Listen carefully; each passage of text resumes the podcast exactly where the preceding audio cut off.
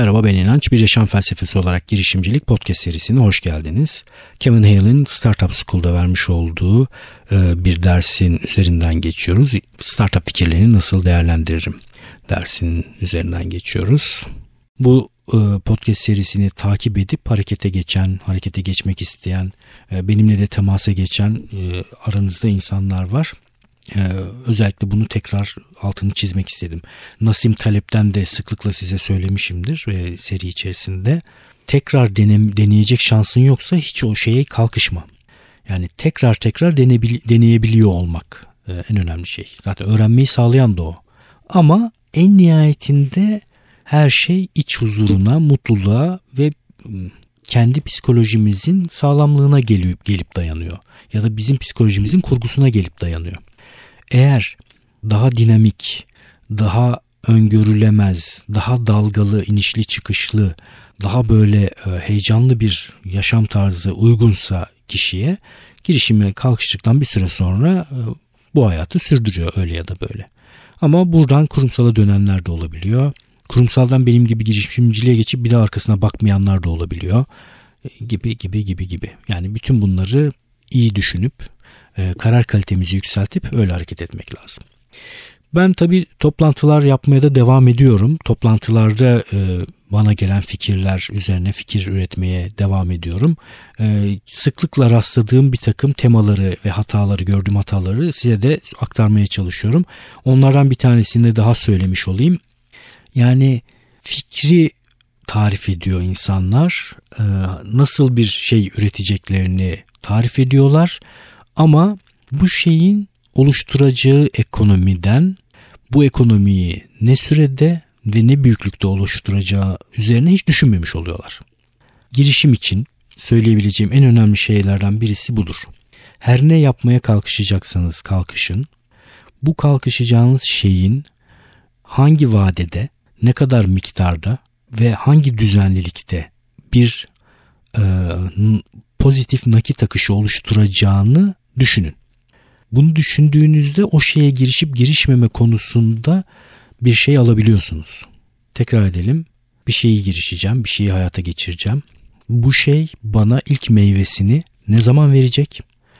Bu meyve ne büyüklükte olacak? Ve ben bu meyveyi ne sıklıkta alacağım? Bütün bu meyveleri bir kenara koydum. Bu meyvelere ulaşmak için harcadığım enerjiyi, zamanı, parayı da bir kenara koydum bu iki şeye baktığımda meyveler diğer taraftan daha ağır basıyor mu, daha çok mu? Buna en başta bakabiliyorum. Bu kararı en başta verebiliyorum. Bunu yaparken, bunu düşünürken de bir takım varsayımlar söyleyeceksiniz. İşte bu varsayımları alt alta yazıp yapabileceğiniz en hızlı şekilde ve çabucak test etmeniz çok önemli. Yani özellikle insanların davranışıyla ilgili bir takım davranışla e, varsayımlarda bulunuyorsanız hemen hemen hepsini test etmeye çalışın. Bu tasarımsal bir takım şeyler de olabilir. E, içgörüler de olabilir. Yani ben işte ne bileyim e, şöyle bir çocuk kitabı tasarlamak istiyorum. Diğer bütün çocuk kitapları dikdörtgen, yatay ya da dikey. Ben yuvarlak bir çocuk kitabı tasarlamak istiyorum. Nedeni de bu falan filan diye anlattınız bunu bile hayata geçirmeden önce tasarımı test etmeniz gerekir. Yani yuvarlak olmasının getirdiği bir avantaj var mı, dezavantaj var mı? Bunu üretime geçmeden önce görmek mümkün. Benim gördüğüm kadarıyla başta insanlar fikir oluştururken bu tarafını pek görmüyorlar. Bir de hiç girişmemiş insanların oluşturduğu fikirler de biraz ham oluyor. Eğer karşıma gelen kişiler, ekipler daha önce hiçbir şeye kalkışmamışlarsa bana getirdikleri fikirlerin çok olgun olmasını beklemiyorum. Orada ben e, bir dış göz olarak motivasyon kırmadan motivasyon sağlamaya çalışırken şuna dikkat etmeye çalışıyorum. Mümkün olan en az hasarla en çok öğrenmeyi en hızlı bir şekilde hangisiyle elde edebilir kişi diye bunu çözmeye çalışıyorum.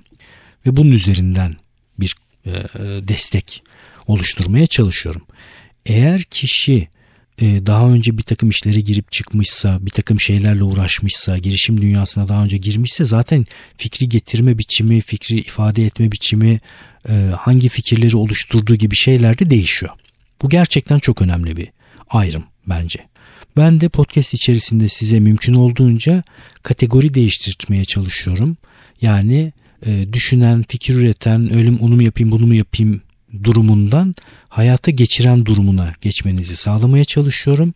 Hayata geçmeye başlamak için de mümkün olan en düşük riskle e, çünkü girişmek dediğimiz o şeyi yaşamak, yaşamanın tek yolu bütün gemileri yakmak, her şeyi bırakıp e, o dünyaya atılmak değil.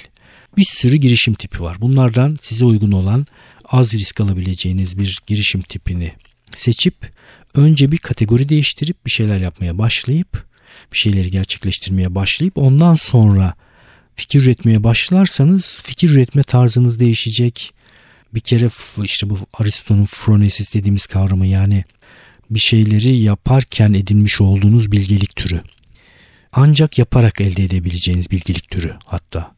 Yani yıllar yılı yani şöyle diyelim 15 sene girişimcilik üzerine oku, araştır, çalış, düşün, e, akademisyen ol, makaleler yaz, ne yaparsan yap senin iyi bir girişimci ol, olabilmen için girişmen gerekiyor ve girişim yolunda, girişimin içinde o şeyi öğrenmen gerekiyor. Eylemin içerisinde e, öğrenmen gerekiyor. Onun dışında da pek başka yol yok. Onun için tekrar şöyle bir toparlamak gerekirse sizin girişim açısından hangi noktada olduğunuza bağlı olarak kat edeceğiniz yolların tipi de değişecektir. Hiç girişim dünyasına girmemiş insanlar için benim ilk önereceğim şey psikolojik sermaye üzerine çalışmaktır. Psikolojik sermayeden daha önce bahsetmiştim işte öz yeterlik gibi bir takım becerileri, e, bir takım unsurları diyelim e, geliştirmesi gerekir kişinin. Psikolojik sermayesini arttırması gerekir. Psikolojik sermaye üzerine, kendi hayal gücünün sınırları üzerine, kendisi üzerine iş yürütür. Bunu da e, herkes yapabilir. Lise çağından itibaren üniversite çağı, üniversite bitimine, üniversite bitiminden 3-5 sene sonrasına kadar daha önce hiç böyle bir şey yapmadıysa 40 yaşında da yapabilir insan. Önce bunu yapmasını öneririm herkese. Yani kendi psikolojik sermayesini arttırmasını ve entelektüel sermayesini, karar kalitesini arttırmasını. Sonra hızlıca az riskle ve mümkün olan en küçük kitleyle Seth Godin'in dediği gibi e, bir kategori değiştirip girişimci olmaya doğru geçmesini tavsiye ederim. Girişimci olmaya geçtikten sonra yani bir ekonomik değer oluşturmaya çalıştıktan sonra bu arada araya şeyi de alabiliriz bir kendi yaşamını girişim olarak kurgulayan insanlar açısından değer üretmek, ekonomik olmayan değer üretmek üzere işte blog yazısı yazmak, içerik üretmek, video üretmek, kişisel markalama yapmak gibi alanlarda yine kendinizi geliştirebilirsiniz. Orada da pazarı öğreniyorsunuz, kitleyi öğreniyorsunuz, hedef kitleyi tanımaya başlıyorsunuz. Hangi başlığı yazdığınızda daha çok izleniyor bir şey, e, hangi tip konular insanların daha çok ilgisini çekiyor. Yani insan davranışı ve doğasını öğrenmeye başlıyorsunuz. O da iyi bir yol. Sonraki aşama kategori değiştirip girişim yapmak. Ondan sonra artık bir girişimi büyütmek, ölçeklemek, seri girişim yapmak, startup kurmak gibi aşamalara doğru geçebiliyoruz. Startup kurmak e, benim böyle ilk elde üniversite bitirip hopa diye balıklama atlanmasını önermediğim bir şey. Kategori Zor. Uzaktan göründüğü kadar kolay bir şey değil. Ama tabii ki kurumsalda çalışmak yerine bir startupta çalışıp yine bir startup'ın problemlerini nasıl çözdüğünü anlamaya çalışıp o dünyanın içerisinde bir tür bilgelik geliştirebilirsiniz. Ona, ona bir şey demiyorum ama yani üniversiteyi bitirip kendi startup'ını kurmak konusunda acele etmesini önermem insanlara. İstisna her zaman vardır. Çok parlak fikirler her zaman çıkabilir. Çok enteresan şeyler düşünebilirsiniz. O başka tabii ki. Onun dışında konuşuyorum. Girişimcilikle ilgili bu fikir aşamasıyla ilgili e, bir de tabii tespit ettiğim önemli bir nokta şu. İnsanlar harekete geçmemek üzere adeta bahane arıyor gibiler. Harekete geçmemek için kendi karşılarına ne gerekirse koyuyorlar. Kendi motivasyonlarını düşünüyorlar. Mükemmeliyetçi davranmaya çalışıyorlar. Bu mükemmeliyetçilik dediğimiz tuzaktan zaten kendimizi kurtarmamız gerekiyor. Çünkü neredeyse hiçbir şeyin mükemmel olma açısından bir sınır sonu yok. Kapasite konusu da öyle mesela. Yani mesela benim hepimiz için geçerli bu. Hepimiz için bulunduğumuz noktada bu dünyadaki tüm fırsatlarımızı gözden geçirip, tüm imkanlarımızı gözden geçirip değerlendirip bizim için en doğru olanı yapmaya çalışmamız mümkün olan bir şey değil. Kim bize kendimiz dahil olmak üzere bizim potansiyelimizin, yapabileceklerimizin sınırını söyleyebilir ki ya da sayısını sayabilir ki ya da böyle sayıp içinden seçme imkanı olabilir mi? Pek mümkün değil. Ya çok kolay bir şey değil çünkü. Sınır tayin, etmek mümkün değil. Onun için bu bir şeyleri nihayetine er-, eriştirme, mükemmel hale getirme güdüsünden daha çok yapma, bitirme, çok yapma, e, test etme, öğrenme, tekrar tekrar iyileştirme gibi güdülere doğru gitmek gerekiyor. Tarihte de bir sürü mükemmeliyetçi insan var ama onlar bile bir noktada artık kendilerini dışsal bir takım takvimlere bağlayarak bu işi tamamlıyorlar. Yani benim rastladığım en mükemmeliyetçi, rastladığım derken yani e, eserleriyle karşılaştığım en mükemmeliyetçi sanatçılardan birisi mesela Stanley Kubrick. Bıraksanız o kadar mükemmeliyetçi bir insan ki hiçbir şey yapmaması gerekir adeta. Ama o da şunu biliyor. Bu hayatta ayağını yere bastığın anda, insanların içine girdiğin anda, birlikte bir şey yapmaya kalkıştığın anda yani fikirlerini hayata geçirmeye başladığın anda bir takım ödünler vermek durumundasın. Böyle başka bir yönetmen vardı yani kafamdakilerin yüzde altmışını gerçekleştirdiğimde kendimi mutlu hissederim falan diyen birisi vardı. Adını hatırlamıyorum şimdi. Belki de Kubrick'te hiç hatırlamıyorum. Yani Kubrick o kadar mükemmeliyetçi birisi ki daha önce de konuşmuştuk. Bir tane filmi var 19. yüzyılda geçiyor. Barry Lyndon filmi. 19. yüzyılda geçiyordu galiba. Filmin özelliği şu hiç elektrik yok, ışık yok. Kubrick de bu filmi doğal ışıkta çekmek istiyor. Ama o günkü kamera ve e, objektif teknolojisi bu filmi doğal ışıkta, mum ışığında ya da ateş ışığında, meşale ışığında çekmeye müsait değil. Objektif yeterince ışığa doymuyor. Yani kamera doymuyor. Bunun üzerine bu objektifi üreten firmayla birlikte çalışarak bu teknolojinin gelişmesini bekliyor. Bu objektifin üretilmesi için de kendisi de destek veriyor. Teknik şartlarını falan oluştururken yardımcı oluyor. Sonra da efsane bir objektif üretiliyor. Sırf bu filmin çekebilmek için. O zamana kadar da o filmi çekmiyor, bekliyor. Ee, yakın dönemde bir videoda rastlamıştım internet üzerinde. Kızı e, bir kameramana bu objektifi gösteriyor. Barry çekilmiş, çekilmiş olduğu objektif böyle kocaman da bir objektif. Ama çekiyor. Bu arada çok enteresandır. Kubrick galiba 2001 filminin oynatılması sırasında makinistlere bir kaş kullanmalarını öneriyor. Kaş şeydir. Projektöre, makinenin içerisine metal bir çerçeve konur. Ee, normalde filmin içerisinde sınırlarını o kaş yoluyla belirlersiniz. Projeksiyonu yapılan filmin. Yanlış kaş kullanıldığı için e, Türkiye'ye film göndermeyi kesiyor Stanley Kubrick. Çok efsane değil mi ya? Yani bu film bu kaşla ve bu şekilde gösterilir. Sen seyircilere bunu doğru şekilde ulaştırmayacağın için ulaştırma hiç. Gö- gösterme diyor. Tartışabilirsiniz ama ben tartışmıyorum saygı duyduğum bir yaklaşım. Böyle yapmış yani Kubrick. Gösteremezsiniz kardeşim yanlış kaşla benim filmimi gösteremezsiniz demiş. Kubrick mevzusuna da şu nedenle girmiştik. Kubrick bile film çekiyor. Çok az film çekiyor bu arada tabii ama yani hiç film çekmemesi gerekir. Ama film çekiyor. Nasıl film çekiyor? Bence benim tahminimce takvime bağlayarak bir şekilde bir takvim oluşturarak yani kendi dışında bir mekanizmaya bu dünyanın içerisinde bir mekanizmaya bağlayarak konuyu e, işte bir takım insanlarla takvimleşiyor, oyuncular vesaire vesaire çekim günleri belirleniyor ve bir şekilde o şey yapılıyor. Belli bir sürede yapılması gerektiği için. Böyle bizim de sürekli böyle fikir döndürüp onu mu yapayım, bunu mu yapayım, onu mu yapayım, bunu mu yapayım, ne yapsam acaba, şunu mu seçsem, bunu mu seçsem modundan çıkıp hızlıca bir şeyler yapmamız gerekiyor. Bu arada yaparken hemen daha hızlıca hayal ettiğiniz dünyanın hiç de o olmadığını da görebilirsiniz. Orada da hayal ettiğiniz dünya eğer bu değilse çok da böyle ayak diretmeye de gerek yok. Yani o işi daha yaparken hemen yok yok bu olmayacak böyle olmayacak ben bu dünyaya ait değilim diyorsanız da kayıp durdurma noktası stop loss noktasını tayin edip o işten çıkmayı da bilin. Hiç kimseye de hesap verme zorunda da değilsiniz. Ne kendinize ne başkasına hesap verme durumunda değilsiniz. Yani örnek veriyorum e, yıllar yılı bir e, kafe açma hayalimi anlatmışım durmuşum anlatmışım durmuşum. Ondan sonra da sonunda bir kafe açmaya karar vermişim. Kafeyi açmışım fena da gitmiyor hatta şey diyelim hani böyle ticari olarak başarısız olduğunu da düşünmeyelim.